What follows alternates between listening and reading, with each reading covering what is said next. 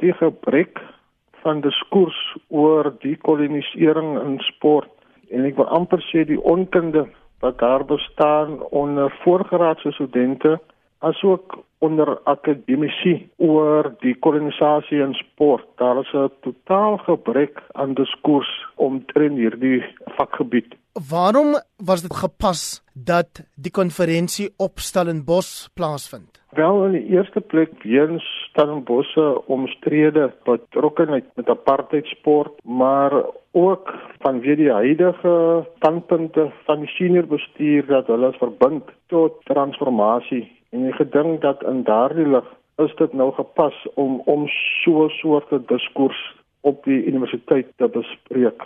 Wat was van die temas in die dekolonisering van sportgeskiedenis wat bespreek is? Van die temas wat aangespreek was, was wat gebeur in ons museums en argiewe. As jy net kyk na die program hier, wat is ons atletiek geskiedenis voor 1946?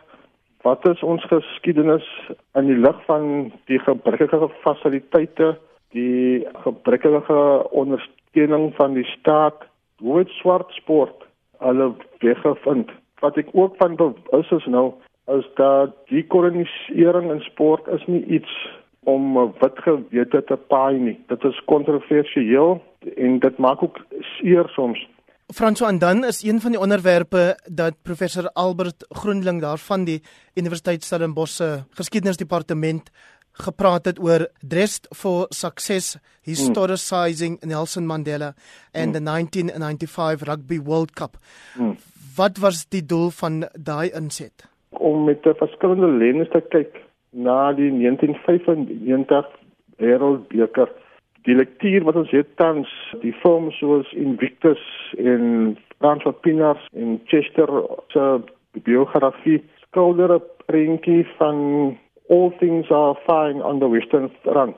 En as jy mens net in diepte luister na wat gesê was, all things are not fine on the western front. En ek dink professor Grindling het definitief 'n nuwe kyk gegee op die 1995 Wêreldbeker. Hoe sou jy dit beskryf? Dat Mandela was in die heel eerste plek 'n politikus en dat die nommer 6 stry wat hy aangetrek het, was nie sonder motief nie.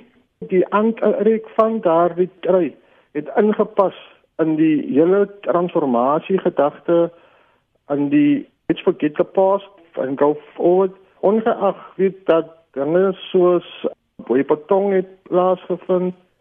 Daar was nog ander ongemaklikhede wat het gebeur met die Sakos? Wat het gebeur met die ou Saru? Ten spyte van dit het Mandela nog steeds oorgegaan om hierdie ewe amper so sogenaamde versoeningsbeeld oor te dra deur die nommer 6 stry aan te trek. Waarmee sou mense wat hierdie konferensie bygewoon het wegstap? Daar moet meer ruimte geskep word vir die mense wat die onderdrukking in sport deurgegaan het om self na vore te kom en om self hulle stories te kom vertel. En wat is die les vir mense wat nie vertroud is met hierdie verhale nie? Wel, 'n mens kan nie net jou oë toemaak en dink dat die probleme van vandag wat ons het het nie 'n geskiedkundige agtergrond nie. Die een toespraak het gegaan oor dese unfinished business of pre-1994. Daar is dinge wat nie aangespreek was nie. Daar daar was hierdie gejaag om uit op arbeid uit te ontsnap en met die gevolg dat ons het baie dinge misgekyk en ons sit vandag met die gevolge daarvan geen skole sport nie, geen gemeenskapsport nie, gebreke fasiliteite in ons townships in. En die wortel daarvan lê in die onderhandelinge wat plaasgevind het rondom hierdie periode van transformasie.